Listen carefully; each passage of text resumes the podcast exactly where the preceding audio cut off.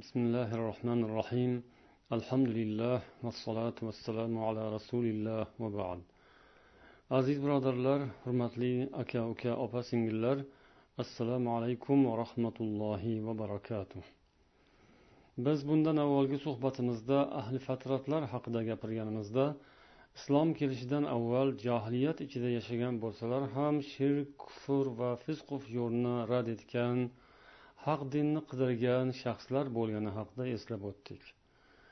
Ular rasululloh sollallohu alayhi vasallamni ko'rmagan bo'lsalar ham u zotning sifatlarini oldindan o'qib bilishgan odamlardan so'rab surishtirishgan oxir zamon payg'ambarining zohir bo'lishlarini kutishgan. Ana shunday insonlardan ayrimlarini keyinchalik rasululloh sollallohu alayhi vasallam ham eslaganlar va ularning jannatga kirishlarini aytib bashorat berganlar. Biz hozir shular haqida gapiramiz zero ularning hayotlarida bugungi kun insonlari uchun ham bir qancha ibratlar bor. Bugun biz suhbatimiz davomida al qus ibn soida zayd ibn amr va raqa ibn navfal haqida to'xtalamiz inshaalloh. Ibn kasir rahimaulloh o'zlarining al bidaya va nihoya kitoblarida tabaroniydan rivoyat qilib keltiradilar. U kishi esa abdulloh ibn abbosdan abdulloh ibn abbos aytadilar qadima vafdu abdul qays ala nabiy sollallohu alayhi vasallam payg'ambar sollallohu alayhi vasallam huzurlariga abdul qays qabilasining elchilari tashrif buyurdilar. Bir qancha suhbatdan so'ng payg'ambar sollallohu alayhi vasallam ulardan savol so'radilar. Ayyukum yariful qus bin saida al ayadi sizlardan ichingizda kim al qus bin saida al ayadini taniydi dedilar. Shunda mehmonlar aytishdiki yo rasululloh biz hammamiz u insonni juda yaxshi taniymiz deyishdi. Payg'ambar alayhissalom u insonga nima bo'ldi hozir qayerda? deb so'radilar. Mehmonlar u odamning vafot bo'lganini aytishdi. Keyin payg'ambarimiz sollallohu alayhi vasallam o'zlarini payg'ambar bo'lmaslaridan avvalgi hayotlaridan bir lahza eslab ukoz bozorida shahrul haromda o'sha insonni alqusni alqus bin saidani ko'rganlarini esladilar. O'sha paytda dedilar u odam qizil tuya ustida turib odamlarga xitob qilayotgani nutq so'zlayotganini hali ham esimdan chiqarmayman dedilar. Shunda u odam insonlarga yig'ilgan jamoatga qarab ya ayyuhannas ijtamiu vastamiu ey odamlar kelinglar mening so'zlarimni eshitinglar deb xitob qilayotgan edi. من عاش مات ومن مات فات وكل ما هو آت آت at. Kimki bu dunyoda hayot kechirayotgan ekan u albatta vafot bo'ladi. Kimki vafot bo'lar ekan juda ko'p yaxshiliklardan mahrum bo'ladi. Keladigan kelishi ehtimol tutilayotgan narsa albatta keladi.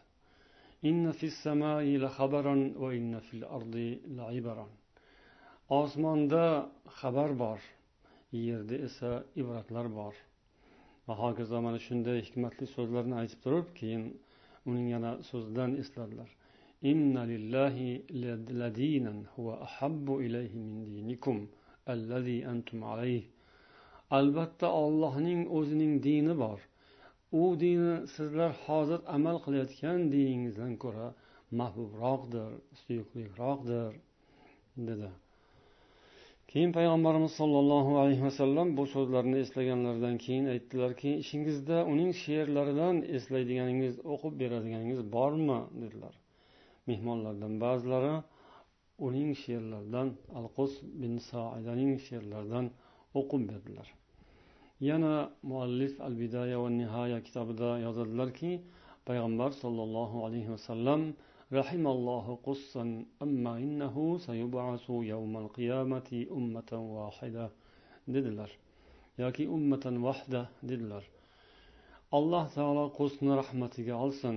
U qiyomat kunida o'zi yolg'iz holda bir ummat bo'lib tiriladi dedilar.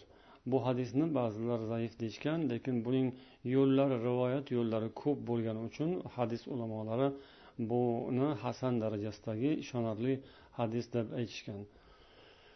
Bu hikoyalardan ko'rinadiki o'sha inson va unga o'xshagan yana bir qancha odamlar islom kelishidan avval xalqni shirk va kufru ma'siyat gunoh botqog'iga botganidan ular iztirobga tushganlar va bunday ishlar bunday nopok yo'llarga gunoh yo'llarga har xil odamlar tomonidan o'ylab chiqarilgan va qo'llarida yasalgan xudolarga sig'inishdan ular o'zlarini tiyganlar va haq dinni qidirganlar. Allohning yakka va yolg'iz ekani uning hech bir sherigi yo'q ekani faqat uning o'ziga ibodat qilish lozim ekanini ular tushunib yetganlar mana shunday insonlardan yana birlari zayd bin amr bu kishi haqida al kamilu fit tarix kitobida muallif azziddin abul hasan ibn al asir yozadilar قال عامر بن ربيعة amir ibn rabia ya'ni rasululloh sollallohu alayhi vasallamning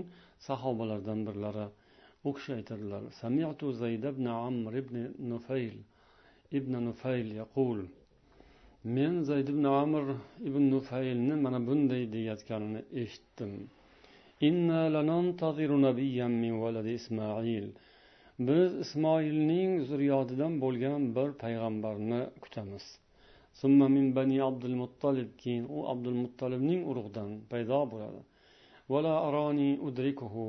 Men uni ko'rmaydiganga o'xshayman ya'ni u kelguncha men hayotim tugasa kerak men uni ko'rolmaydiganga o'xshayman deydi va ana uminu bihi va usaddiquhu va ashhadu annahu nabiy men unga iymon keltiraman uni tasdiqlayman va uni haq payg'ambar ekaniga guvohlik beraman فإن طالت بك حياة ورأيته فاقرأه مني السلام agar seni umring uzun bo'lib o'sha insonni ko'rsang mendan unga salom aytgin.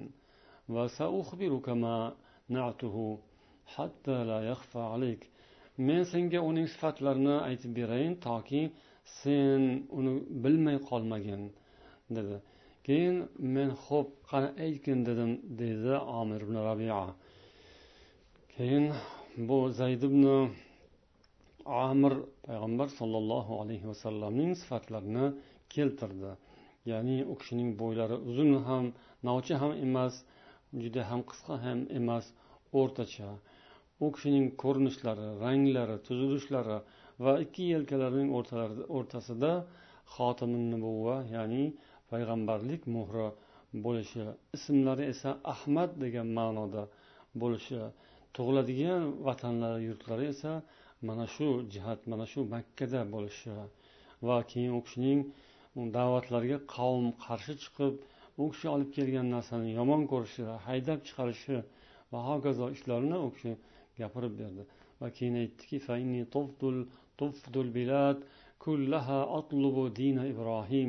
men dunyo mamlakatlarini ko'pini kezib chiqdim va ibrohimning dinini qidirdim. من أسأله من اليهود والنصارى والمجوس يقول هذا الدين وراءك man so'raganlarning hammasi yahudiylaru nasorolaru majusiylar ularning barchalari bu din sen so'rayotgan din sening orqangda deyishadi man senga nimani sifatlab bersam menga ular shuni sifatlab berishgan va ular aytishganki endi bundan boshqa payg'ambar qolgani yo'q ana o'sha payg'ambar chiqadi deyishdi deb bu so'zlarni aytdi.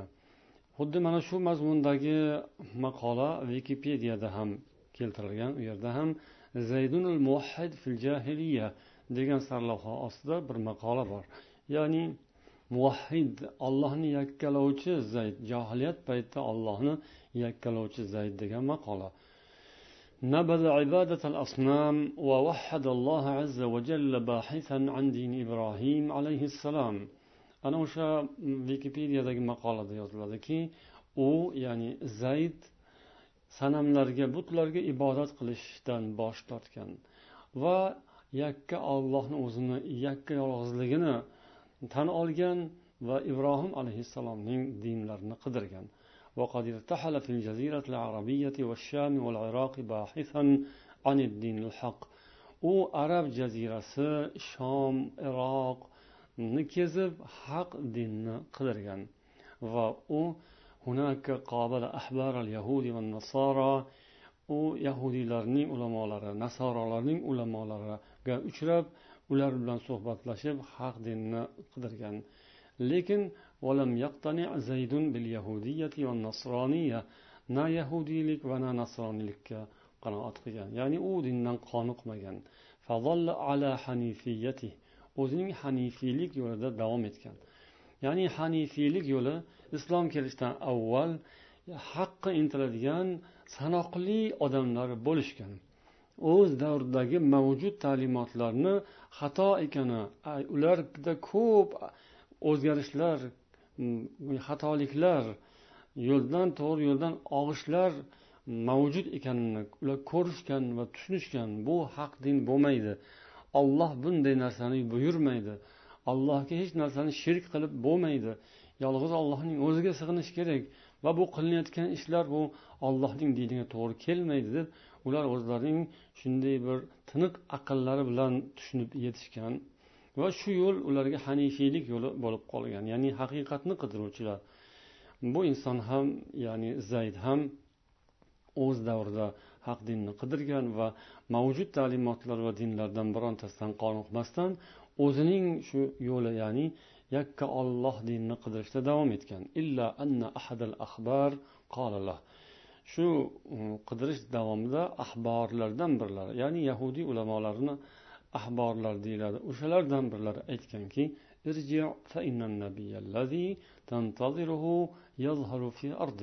san orqangga qayt chunki sen kutayotgan payg'ambar seni yeringdan chiqadi deb aytdi zayd shundan keyin makkaga qaytdi va payg'ambar sollallohu alayhi vasallam bilan hali u kishi payg'ambar bo'lmaslaridan avval bir necha bor uchrashdi. Sollallohu alayhi vasallam keyinchalik payg'ambar alayhissalom ham u bilan uchrashganlarini esladilar va uni gap u haqida gapirdilar. Annahu kana yaba aklama dubiha lil asnam. U sanamlarga ya'ni butlarga so'yilgan hayvon go'shtini yemasdi.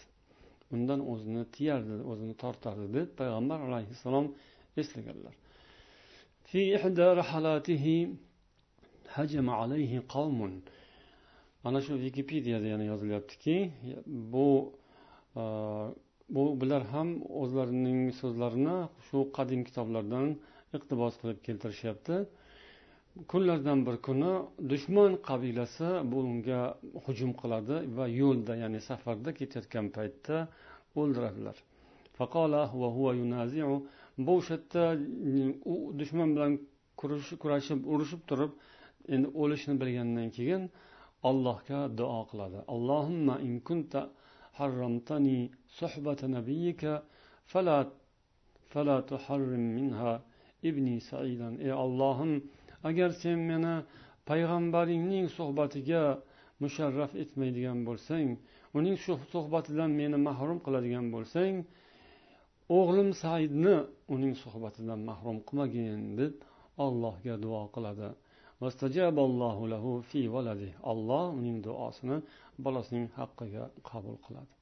Faqat adraka ibnahu ibnuhu said ibn zayd. O'g'li said ibn zayd islomga musharraf bo'ladi. Ya'ni payg'ambarimiz sollallohu alayhi vasallam zamonlariga to'g'ri keladi.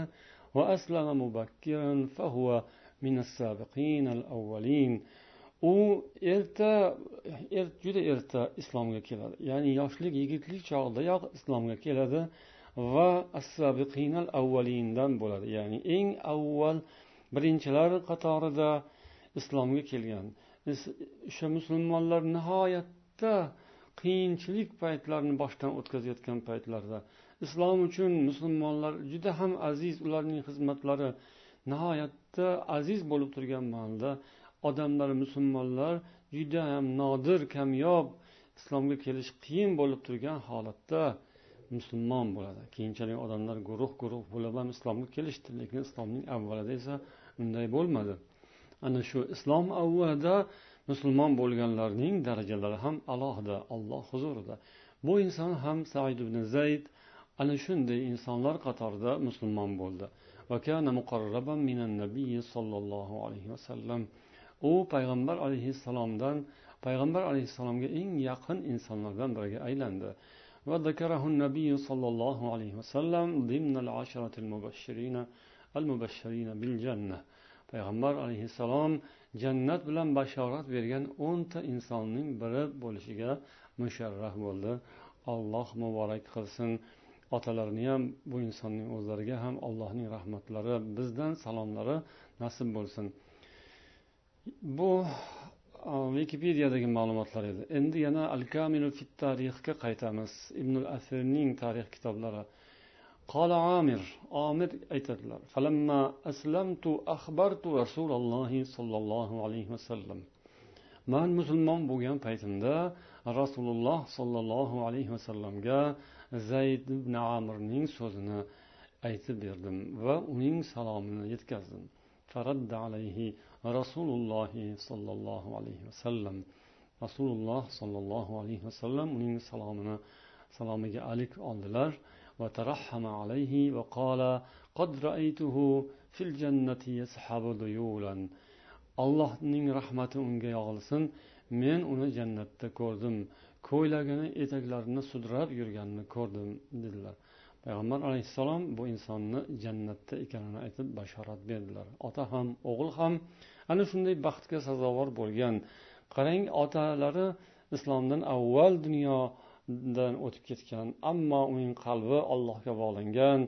Johiliyat ichida yashasa ham shirku kufru masiyatu yovuzlik va hokazolar ichida zulmat ichida yashasa ham qalbi ochiq shunday fikri tiniq haq bilan botilni o'rtasini ajrata oladigan insonlar bo'lganligi bugungi kun insonlari uchun ibrat namuna.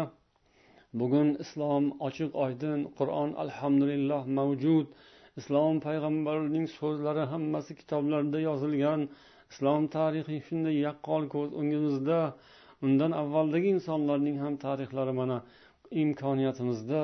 Bugun shuncha haqiqatlarni insonlarga tayyor qilib ko'rsatib qo'yilgan paytda ham odamlar oladiganlari bor tushunadiganlari bor o'zini tushunmaydiganga soladiganlari bor.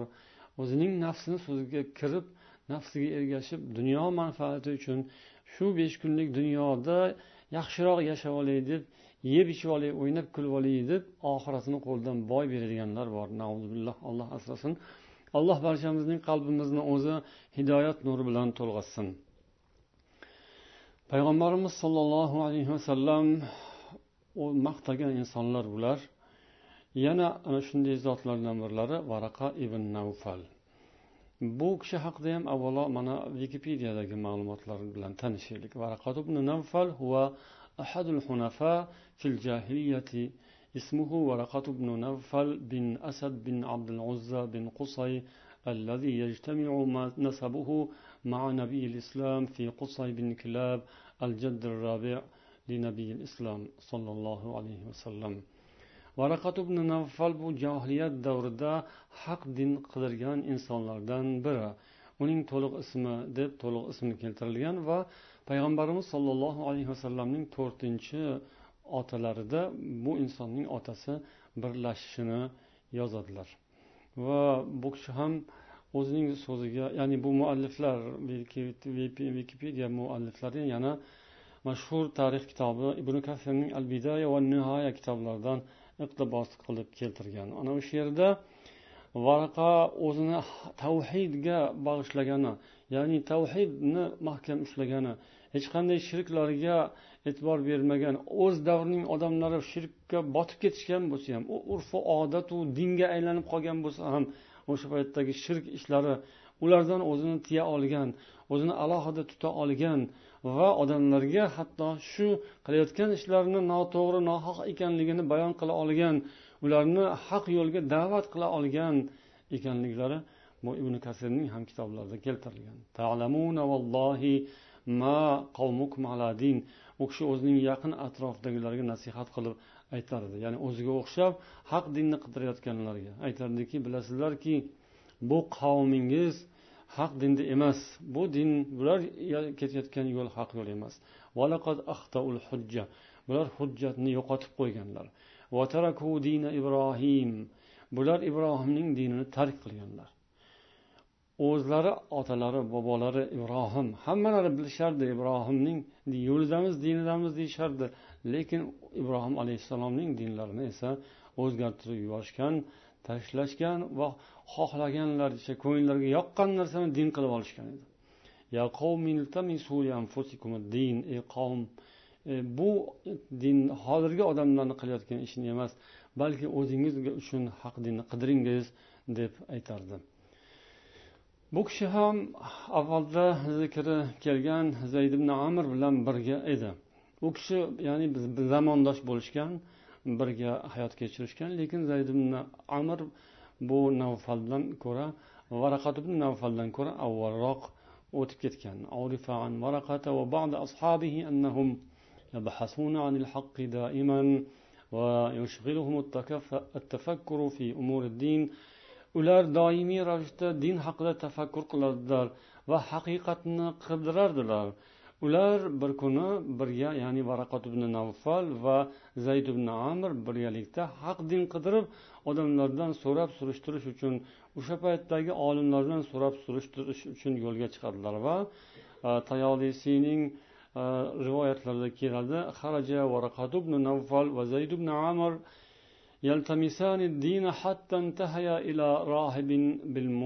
ular din qidirib haqiqat qidirib yo'lga chiqdilar va mosulda bir rohibga uchradilar. O'shanda zayd ibn amir suhbatlashgan edi. Keyin zayd ibn amirga qarab haligi rohib aytdiki ey tuya mingan inson qayerdan kelyapsan? dedi. Ibrohim ibrohimning uyidan kelyapman ya'ni kabatullohdan makkadan kelayotganini aytdi. Nima uchun kelding nima qidiryapsan deganda din din qidiryapman. Haq din qidiryapman dedi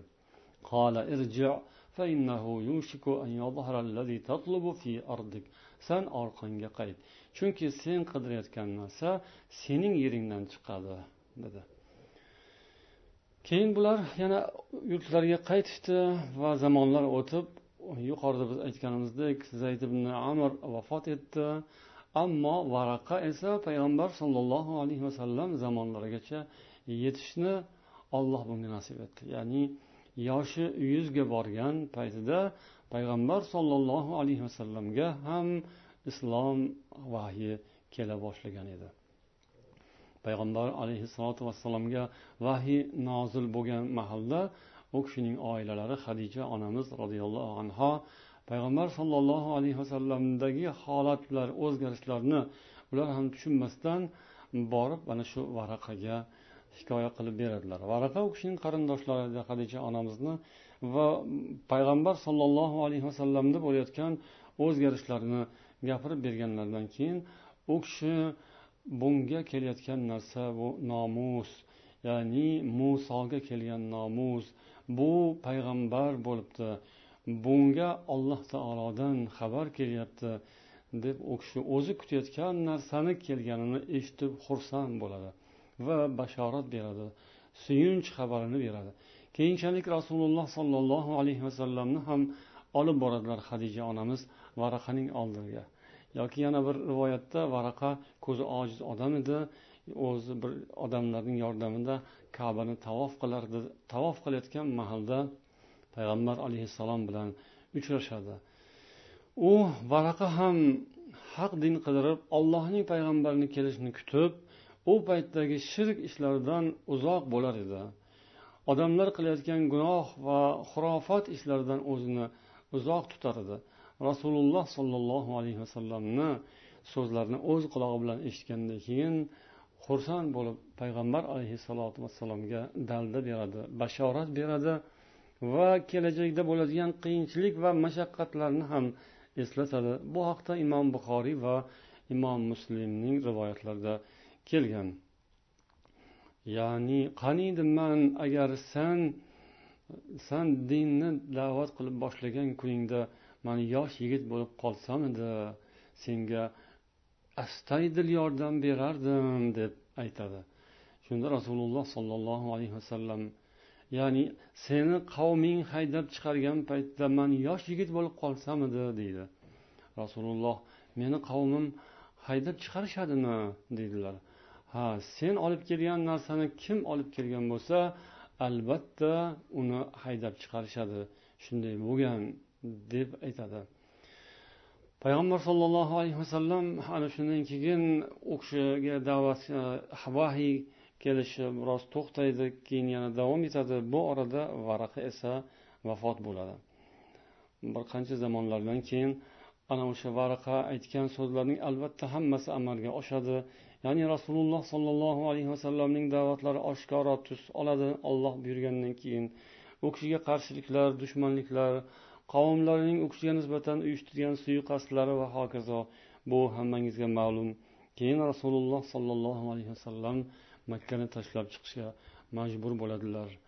Va mana shu inson haqida eslaganlari ham rivoyat qilinadi. Imom termiziyda kelgan yana zodil maodda kelgan hadislarda rasululloh sollallohu alayhi vasallam mm, bu varaqat juda chiroyli holatda ko'rganlarini bir hadisda oq kiyimda ko'rganlarini yana bir hadisda jannatning o'rtasida sayr qilib yurganini ko'rganlarini hikoya qilib berganlar. Alloh taolo barchalarini o'z rahmatiga olsin. Mana shunday zotlar islomdan avval payg'ambar alayhissalom kelishlaridan avval alloh ularning qalbini ochgan ular haq dinni qidirishgan va inson haqiqatni haqni qidirishi intilishi zamonga bog'lanib qolmasligi insonning aqli uning tafakkuri qanchalar qanchalar yaxshilik tomoniga intilishi. Agar inson pokiza bo'lsa chin dilidan yaxshilikni qidirsa haqiqatni qidirsa o'zining taqdiri haqida jiddiy o'ylasa oqibatni o'ylasa oxiratni o'ylasa yakka yagona olloh borligini esdan chiqarmasa albatta u haqiqatga musharraf bo'ladi. U qarangki hali payg'ambar kelmagan davrda bo'lsa ham ammo bugun rasulullohni bilib turib qur'onni bilib turib islom da'vatini eshitib turib islom haqiqatlari bilan boxabar bo'lib turib boxabar bo'la turib ham yana o'zining qaysarligi o'zining mutakabbirligi va nafsining xohishlaridan ayrila olmayotganligi bo'lib davom etadigan bo'lsa bunday insonlarning oqibati halokatli bo'ladi va ular jahannamga qarab ketib qoladilar. Minannar. Alloh barchamizni jahannam olovidan saqlasin. Bu olam nihoyasiga qarab ketyapti. Bu hayot ham har bir insonning ham hayoti nihoyasiga ertaroq yetadi. Olamning nihoyasidan ko'ra odamning nihoyasi ertaroq har bir insonning berilgan umri cheki bor nihoyasi bor. O'sha nihoyaga qarab ana shu qabrga qarab oxirat sari har birimiz harakat qilib boryapmiz. Alloh barchamizning qalbimizga hidoyat nasib etsin. Ana shu zotlar kabi biz ham haqiqatni yoqtiradigan haqni qidiradigan agar bilmagan bo'lsak topmagan bo'lsak haliyam atrofimizda shuncha haqiqat allohning kitobi allohning da'vati mavjud bo'la turib agar kimningki qalbiga hali ham ta'sir qilmayotgan bo'lsa allohdan o'ziga hidoyat so'rash kerak. Allohdan barchamizga hidoyat so'raymiz. Haqqi muvaffaq aylasin va bilganimizga amal qilishimizni alloh o'zi muyassar aylasin alloh yunus surasida aytadi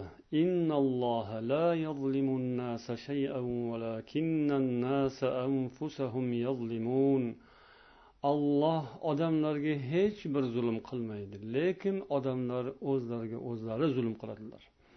Olloh insonga hech qachon zulm qilmaydi agar u haqqa intilsa agar u rostgo'y bo'lsa chin dilidan agar chin dildan haqiqatni izlab haloli pokizalik bilan iymon bilan hayot kechirishga intiladigan bo'lsa olloh nimaga unga zulm qilsin? Agar u ollohning rahmatini qidirsa haq yo'lni qidirsa haloli pokizalikni haqiqatni rostgo'ylikni o'ziga lozim tutadigan bo'lsa olloh nimaga yordam bermaydi? Albatta unga yordam beradi. O'sha johiliyat ichida yashab turib haqni qidirganlarga yordam beribdiku.